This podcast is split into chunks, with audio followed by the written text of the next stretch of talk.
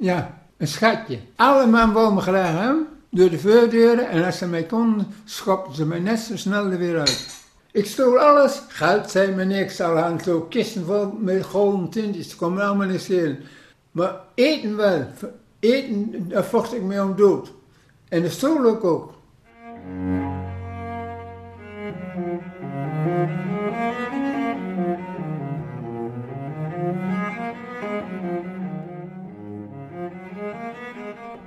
Je hoort Frans Melijn uit Bovensmilde. Hij is 87 jaar. Als tienjarig oorlogskind kwam hij in 1944 naar Drenthe vanuit Utrecht. Zijn moeder was toen overleden en zijn vader, een meubelmaker, zat, net als zijn broers, in het verzet. De jonge Frans werd samen met zijn zusje naar de boeren gestuurd. Van Drenthe had hij nog nooit gehoord. En makkelijk was het niet. Frans Melijn schreef erover in meerdere boeken en hij praat erover. Ik ging bij hem op de koffie. Je luistert naar een podcast van Drenthe Toen. Ik, ik, ik ben hier van 44 af aan. Toen ik wegging uit Utrecht, ik wist dat niet natuurlijk. Mijn vader zat in het verzet, mijn broer zat in het verzet. En dan moet dat niet zo zwaar nemen, dat verzet van mijn broer. Maar hij was 17 jaar en dat was een van de beiden. Naar Duitsland toe, naar de fabrieken toe, of onderduiken. Nou, dat is allemaal verleden tijd, hè? Als een klein kind. Maar ik moest zeer gevaarlijke dingen doen. Wel, je had wel een klok gezien, maar geen klepel. En zo was het nu ook. En als ik op bed lag, dan, dan liep ze over me heen. En dan was de slaapkamer en was altijd los. Maar ik wist nooit waarvoor, maar ik weet het nou wel. Als ze vluchten moesten, konden ze zo door de slaapkamer over mij en, eh, en zo naar buiten toe. Mijn vader, ik je vertellen. Mijn moeder heette Hiltje, die is 42 jaar geworden.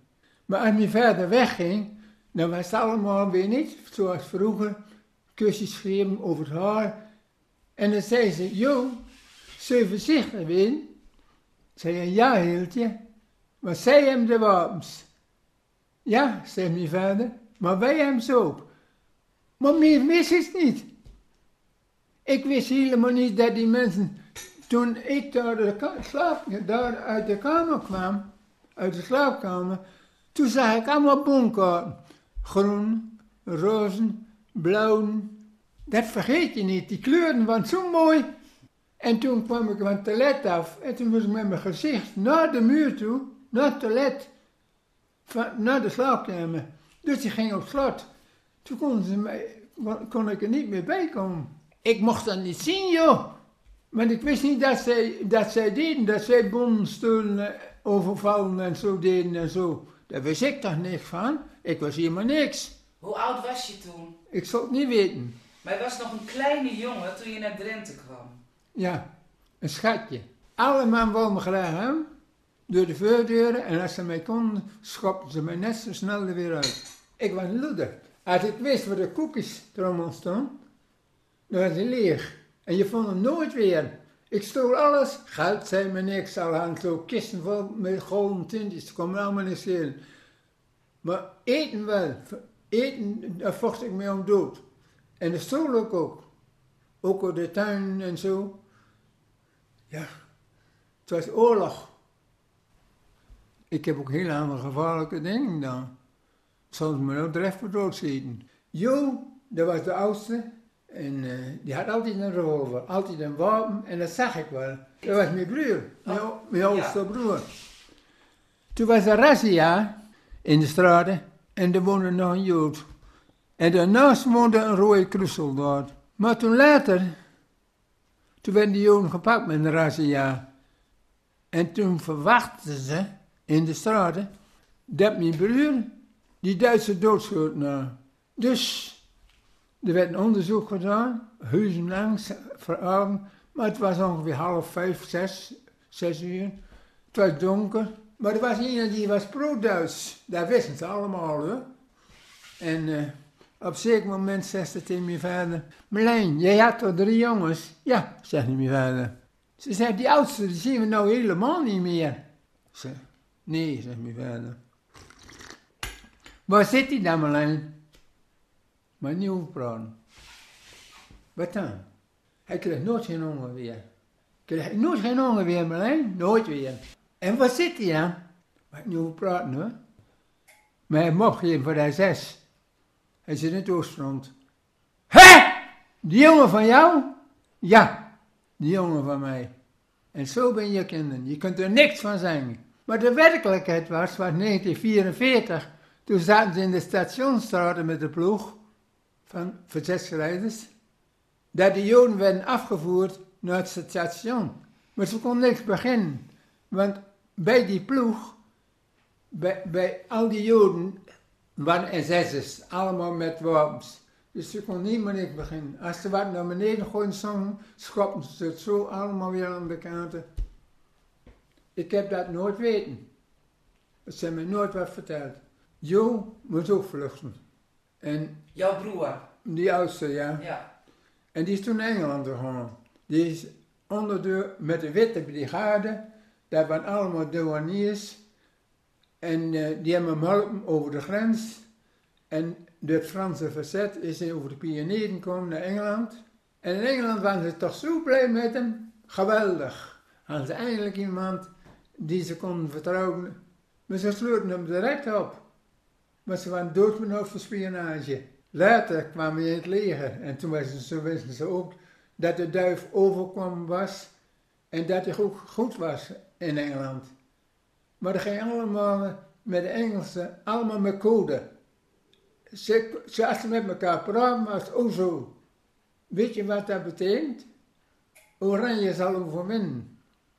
Maar dat wist ik niet. Ik kende die code niet. Maar als er een kwam, oh zo. Dan praten ze ook verder. Verder zijn ze ook geen... Maar nooit een woord waar ik bij was. Nooit. Nooit. Mijn moeder is 22 jaar geworden.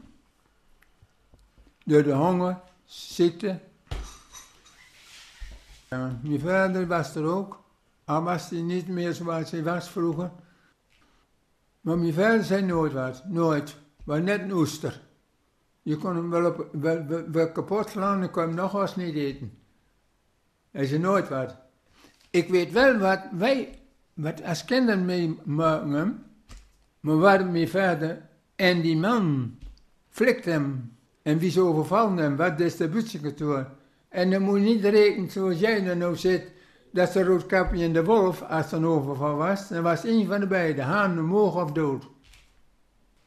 Jou- jouw vader zat in het verzet en je had drie broers. Zaten die ook in het verzet? Twee broers. Twee. De Ja. oudste. Jo Jo en Jan. en Jan.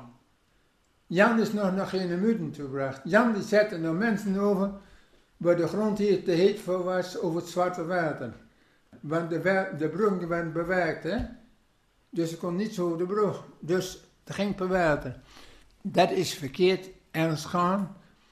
Nou goed, maar als die patrouille het Zwarte Water opging, dus, dan kregen die jongens bericht, jongens, blijven in het rit, want ze komen eraan. En, en Jan die zat ook bij die ploeg met die roeiboot over het water en stukken. En sommige mensen moesten weg en die werden dan weer vervoerd verder over de Bergse Maas richting Limburg.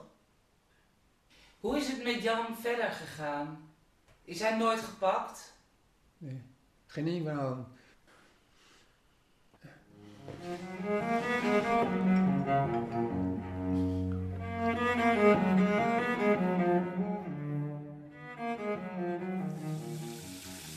En eh ja, ik was niet bang. Als het om je leven gaat, dan ben je niet zo gauw bang. Vooral omdat je met de dood vertrouwd was. Maar we gingen toch dood van de honger. Dus dat zei ook niks. Maar weet je wat nou het gekste is? Wij vochten veel. Echt veel. Ik sloot me later aan bij een jeugdclub. Wij hadden een ploegie. We waren nou niet zulke brave broeders. Zo, was het nou ook weer niet. Wij waren gek op, op die Hitlerjeugd. Die Hitlerjeugd, die hadden dolkjes. En die dolkjes die wilden wij hem, want we konden mee ruilen. Maar we waren ook al stront jaloers, want ze hadden mooie schoenen, zwarte broeken, kregen een blauw blouseje. Dus wij vochten hem. Maar we hadden geen wapens. Maar toen konden we wel aankomen. Want de buurvrouw, of die, die, me- die me, met mijn vader contact hoe wat, weet ik wat, die had een trappenloper. Tegenwoordig hij dat niet meer. Maar die routen die erin staan, die waren zo lang, en slepen we de punten aan, en dat konden we mee steken en dan kon slaan. Ja, je moest wat. Jij gaat op een gegeven moment naar Smilde als een jongetje. Ja. Samen met je zusje. Ja. Vond je dat ook eng, helemaal alleen? Of met je zusje? Zo bij je vader weg? Dat denk je niet aan. Geen oom en tantes. Toen zei de buurvrouw, de boombuurvrouw, zegt hij mij, Frans, je gaat weg. Ik zeg, ga weg? Ja, zegt ze, je gaat naar de boeren. Maar ik wist helemaal niet wat Drenthe was, niks. Ik, wist niet helemaal niks. Naar de boeren toe. En dan is, kregen we geen honger meer. Maar goed, toen mijn moeder overleden was, ja, daar zaten ze met die jongen. Toen is er, kwam er een vrouw, en om een jaar, die, die, die, eh, die vrouw, daar was geen oom hoor, niks. En eh, die was er, maar die ging nog aan werken, kwam die bij ons vroeger, toen mijn moeder ziek was en mijn vader. En eh toen kwam een vrouw en die zei eh, dat ze de kinderen op kwam halen. Maar het hadden alles geregeld. Bij, bij de Oranjekerk, daar stapten we op. Zo werden we dan eerst eens verwelkomd door de Engelsen op de IJzeren Brug. Want die schoten nog soms zo wat in flatten. Maar die dachten dat er munitie onder het zeil zaten. Maar die wisten ook niet dat er kinderen onder zaten. Dat is precies hetzelfde als in het IJsselmeer een boot naar de grond toe gegooid is. Waar kinderen op zaten. Het was oorlog. Dus we zeggen dat ik hier om 12 uur zou arriveren hier in Smilde. Ik had nooit van Smilde gehoord hoor, of Drenthe, nooit. Ik wist helemaal niet wat het was. Werden we aangehouden. Wij kwamen hier om 1 uur. En die meenden hadden het toch zo verrekte koud. En ik ook. Want we hadden niks. We hadden geen kleren meer. Die meenden die verrekten ook. En ze stonden te wachten op ons. Maar doordat de, de landwacht ons aanhoorde, geregeld. Want die wilden ook weten wat ze onder de zeil zaten. Nou, dat kon ze gauw zien. Als wij de zeil werden. We zaten op open. Zo ben ik dus naar Drenthe toegebracht. Ik kwam in Drenthe. Ik wist niet dat Drenthe bestond. Ik had nooit van Drenthe gehoord. Van Smilde niet. Van geen mens. Liefde. Ik had geen liefde. Ik had niks in mezelf. Nou, dus ik kwam bij de dom. Eerst bij de kerk. En toen brachten ze mij naar de groot toe. Na- Naar die man die werkte in Veenhuizen, als ambtenaar. En ik was een lamstraal. Ik was doodschappen nog niet meer. Dat zal ik je vertellen. De meester, die had zo'n kort stokje, hè? Voor aanwiesstokje. En toen zei ik, jongens, kom op.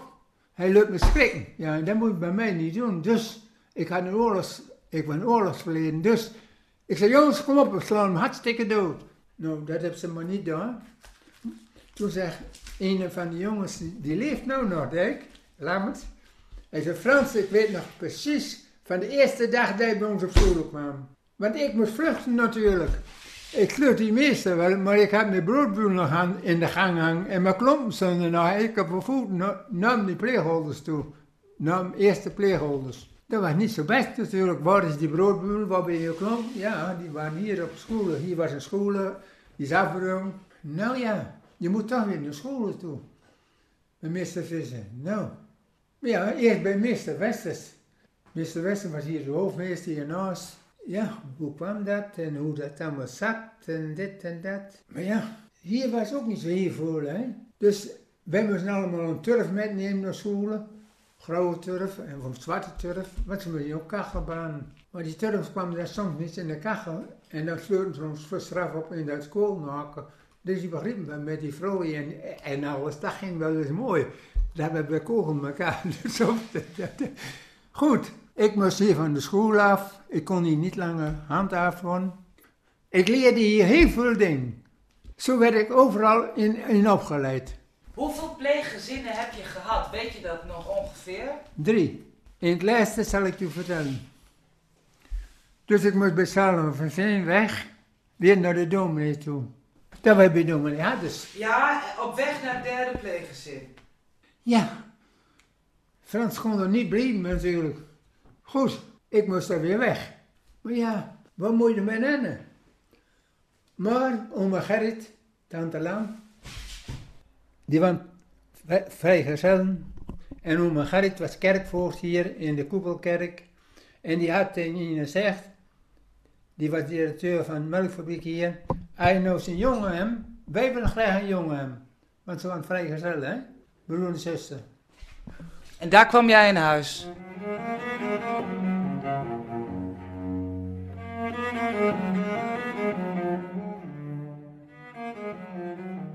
En daar kwam Frans Melijn in huis. Bij oom Gerrit en tante Lam. Na de oorlog ging Frans Melijn terug naar Utrecht. Maar daar kon hij niet aarden. Het lukte niet. Hij wilde terug naar oom Gerrit en tante Lam. Ik ging weer naar Smullen toe. Met de auto. En het was zondag. Ze waren naar de kerk. Ze hoog betaald die hadden ze. Hadden de eerste gang, maar ze hadden een betaald die voor één morgen. Dat was niet zo koud, hè, in huis. Nou. En eh, ja, ik stond daarachter. Ze keken me raar op natuurlijk. Ik zei, mijn tante, mag ik hier weer komen? Ja, natuurlijk mag ik weer komen. En ik ben heel lang gebleven. Tot het einde aan toe zo Maar die mannen waren erg christelijk, hè? Heel erg christelijk waren ze. Dus ik moest s'avonds altijd, ik ga slapen, ik ben moe, sluit me bij de ogen toe. En dan mocht ik pas de bedden staan. Maar ik heb mijn pleegvader ze waren een keer dood op een nacht. Werd ik gearresteerd. Ik zat, ik was helemaal gek. Stapelgek, maar ik was niet normaal meer. Dus ik was helemaal door de oorlog veranderd. Mijn Geit was sterker dan ik en die gaf me toen op zo de midden met de arm. Dat ik wakker werd. Maar anders had ik me vermoord in de beddenstee. Dus moest ik van bed af, moest eens maar bijkomen en ja, moest dan weer naar bedden toe. En je lag in de en je had niet zoveel ruimte. Dus dat is toen allemaal wel goed gekomen. Volgens mij had jij goed contact met deze pleegoom en tante. Met deze pleegouders. Ja, weet je waarom? Hij sloeg me niet. Het was altijd praten. Praten, praten. Maar goed, ik was er een poosje. En uh, ik lustte van alles. Dus ik ging zo naar die kelder in. De kelderkast in. En ik pakte de koekjes van me. En ik vraag die leeg. En mijn tante Lam komt in huis. Ze zei, wat, wat, wat moet jij hier in die kelder? Eruit! Ze zei, wat is er? Ze zei, als je voor hem wil, kun je. Maar, stil doen we hier niet. En denk erom dat het nooit weer gebeurt. Maar dan zegt hij om gaat Om mijn gaat het kleurt nooit. Altijd praten, praten, praten. En dan soms zo verrekte lang. Dat ik viel als dood van, van dat praten. Want die jongens die waren naar voetbal met een al, al beskietblikken of anders wat. Of een varkensblaas, want wij moesten nu dan slachten nog zelf. Dus die blaas, die was voetbal. En we speelden dan. Maar ik moest altijd, en de duivel. Maar als ik dan niet oplette met Bibel lezen, moest ik soms hele stukken zelf helemaal weer opnieuw lezen. Nou, ik was er zo hartstikke ziek van, dat ik paste wel op dat, dat ik buiten kwam. Je hebt een foto van Tante Lam en oom Gerrit op dressoir staan. Heb je, heb je warme gevoelens als je aan hun denkt? Zijn het fijne herinneringen? Ja, heel fijn. Heel mooi. Ook, ook treurig natuurlijk, omdat ze mij opvoeden. Kijk, ik moest naar de kerk, zondags. Maar ja, dat zei me niks. Want ik was bij de Oranje Kerk in Utrecht op transportzet. Maar verder wist ik van alles niks. Dus ik moest naar de kerken toe, loop ik weg. Ik wou me niet op sluiten, dus ik rende, moesten ze me eerst dus weer vangen.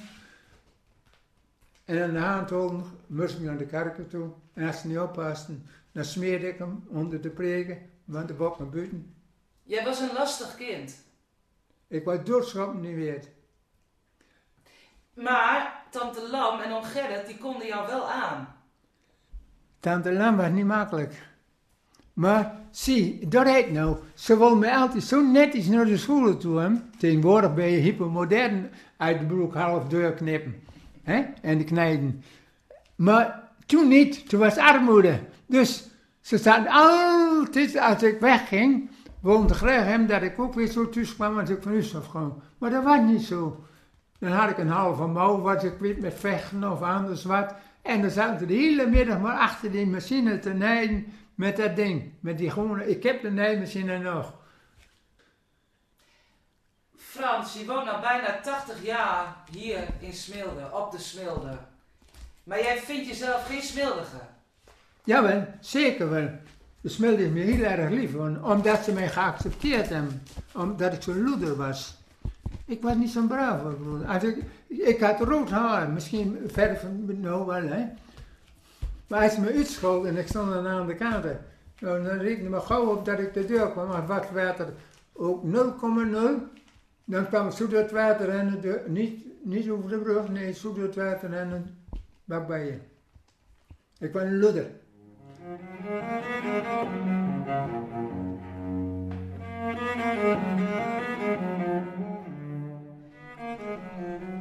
De boeken van Frans Melijn worden uitgegeven door drukkerij Hevo in Smilde. Uitgeverij Hevo. Wil je meer weten? Stuur ons dan maar een mailtje. drentetoen.rtvdrenthe.nl Je luisterde naar een podcast van Drenthe Toen. Luister ook eens naar onze andere afleveringen. En vond je het leuk? Laat dan een beoordeling achter. Vinden wij weer leuk. Dankjewel.